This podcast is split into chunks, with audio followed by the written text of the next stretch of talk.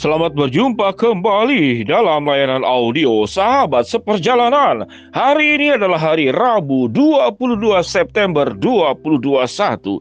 Tema renungan dan saat teduh kita dengan judul Mengalah bukan kalah, mengalah bukan kalah. Firman Tuhan terambil dalam Matius pasal kelima ayat 38 sampai dengan ke-42 saya bacakan sebagiannya saja.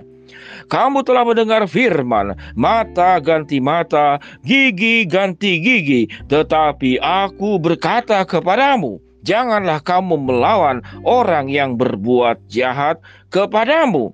Dan siapa pun yang memaksa engkau berjalan satu mil, berjalanlah bersama dia sejauh dua mil. Mari kita berdoa. Bapak yang di dalam surga, kami ingin belajar bagaimana memiliki karakter Kristus tatkala kami menghadapi serangan-serangan dari pihak luar dalam kehidupan kami. Dan kami merasakan sedemikian beratnya menghadapi serangan, maka hal yang terbaik adalah mata ganti mata, gigi ganti gigi, orang melakukan sebuah kecurangan, maka saya akan balas. Apakah seperti demikian? Kami ingin belajar dari terang kebenaran firman Allah. Di dalam nama Tuhan Yesus kami berdoa. Amin.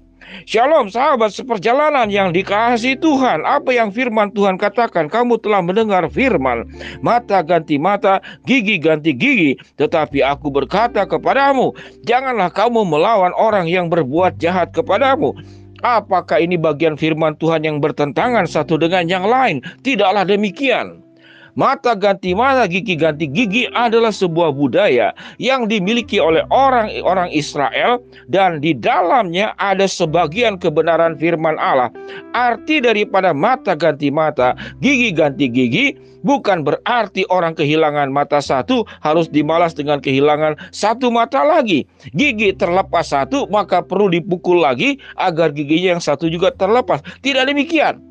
Namun artinya daripada ayat ini setiap perbuatan yang buruk itu tidak terlepas daripada pengadilan Allah. Setiap perbuatan jahat tidak pernah terlepas dari pengamatan dan mata Allah dan pertanggungjawaban yang harus kemudian itu dibuktikan, kemudian memang terbukti di hadapan Allah, tidak ada yang bisa tersembunyi dan hukum Allah akan melakukan katakanlah penegakan keadilan. Sahabat seperjalanan yang dikasih Tuhan.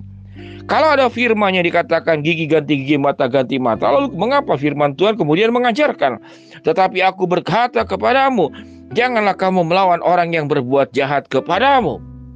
Gigi ganti gigi, mata ganti mama, mata itu urusannya Allah, pengadilannya Allah. Tetapi bagiannya kita adalah tetapi Allah berkata kepadamu, janganlah kamu melawan orang yang berbuat jahat kepadamu.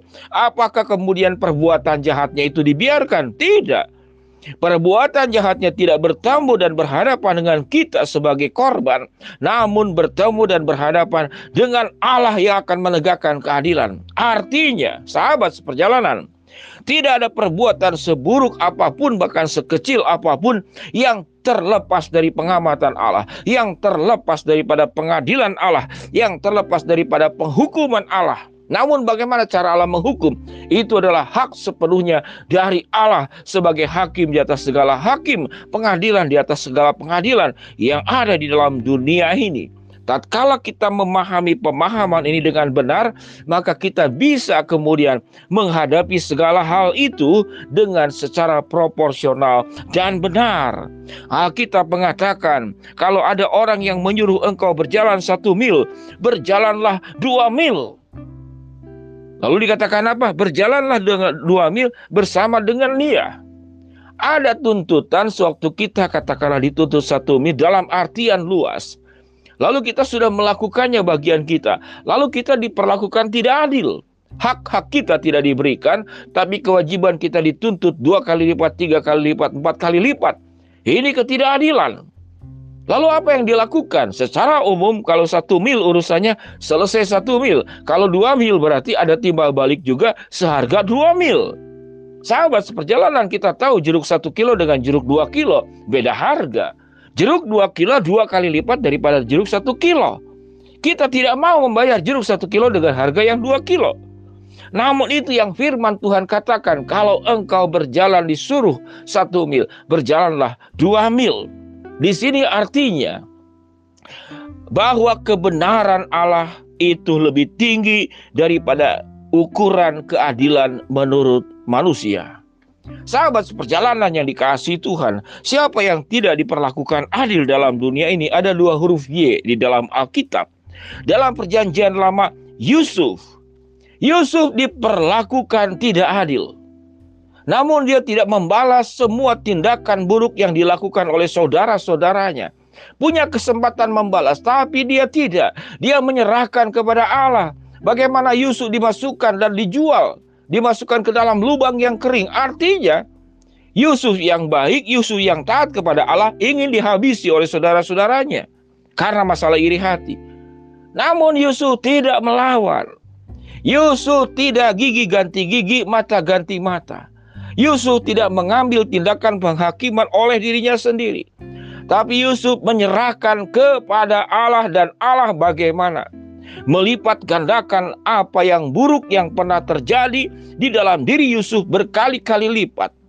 Tatkala Yusuf direndahkan serendah-rendahnya, Allah meninggikan setinggi-tingginya sampai kemudian saudara-saudaranya, keluarga-keluarga Yusuf meminta makan, meminta perlindungan hukum, meminta keamanan kepada Yusuf yang berkali lipat ada di atas kondisi kehidupannya daripada saudara-saudaranya. Itu dalam perjanjian lama. Dalam perjanjian baru, huruf Y juga. Yang satu Yusuf, yang kedua Yesus. Apa perlakuan adil yang dilakukan oleh manusia kepada Yesus? Tidak ada. Seluruh yang buruk, namun ada hal yang dilakukan oleh Yesus, yaitu hidup di dalam kebenaran, dampak daripada penganiayaan, dan Yesus dikatakan itu ditampar oleh penjaga. Mengapa engkau berkata demikian kepada imam besar? Jadi Tuhan ditampar manusia, sahabat seperjalanan. Tuhan mana yang pernah ditampar oleh manusia? Kecuali Yesus. Apakah Yesus bisa menghindar dari tamparan itu? Bisa. Yesus tidak balik menampar. Tetapi apa yang dikatakan Yesus kepada orang itu? Apa yang dikatakan oleh Yesus? Jikalau kataku salah, tunjukkanlah salahku. Tetapi kalau kataku benar, mengapa engkau menampar aku? Sahabat seperjalanan yang dikasih Tuhan, aspek lain daripada kita mengalah bukan kalah. Karena kita mengalah, karena kita ingin tetap hidup di dalam kebenaran. Allah berkenan. Sahabat seperjalanan, saya tidak tahu perlakuan tidak adil apa yang engkau hadapi.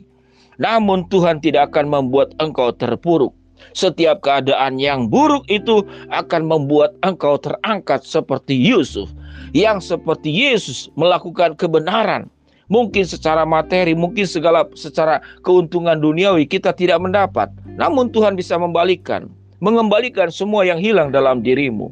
Sahabat seperjalanan, Bertempur tidak selalu harus menghancurkan, tapi engkau bertempur mengalah bukan kalah karena engkau sedang memenangkan sebuah kehidupan, yaitu kehidupan yang benar, kehidupan yang kudus, dan kehidupan yang berkenan di hadapan Allah jauh lebih penting daripada mencari keadilan di dalam dunia ini.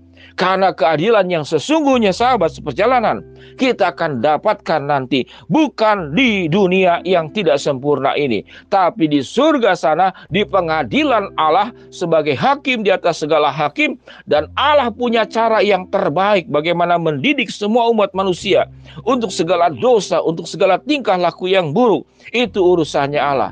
Urusan kita adalah bukan memenangkan manusia, tapi kita menang karena kita hidup dalam kebenaran, hidup dalam kekudusan, dan hidup sesuai dengan kebenaran firman Allah. Mengalah bukan kalah. Mari kita berdoa.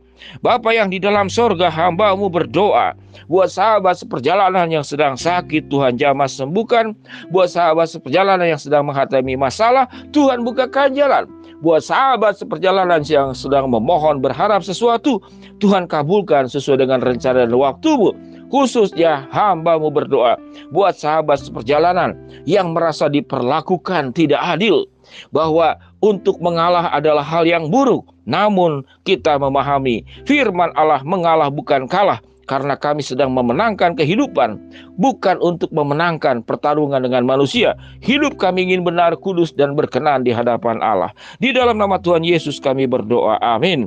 Shalom sahabat seperjalanan yang dikasih Tuhan. Tuhan memberkati kita semua. Mengalah bukan kalah. Amin.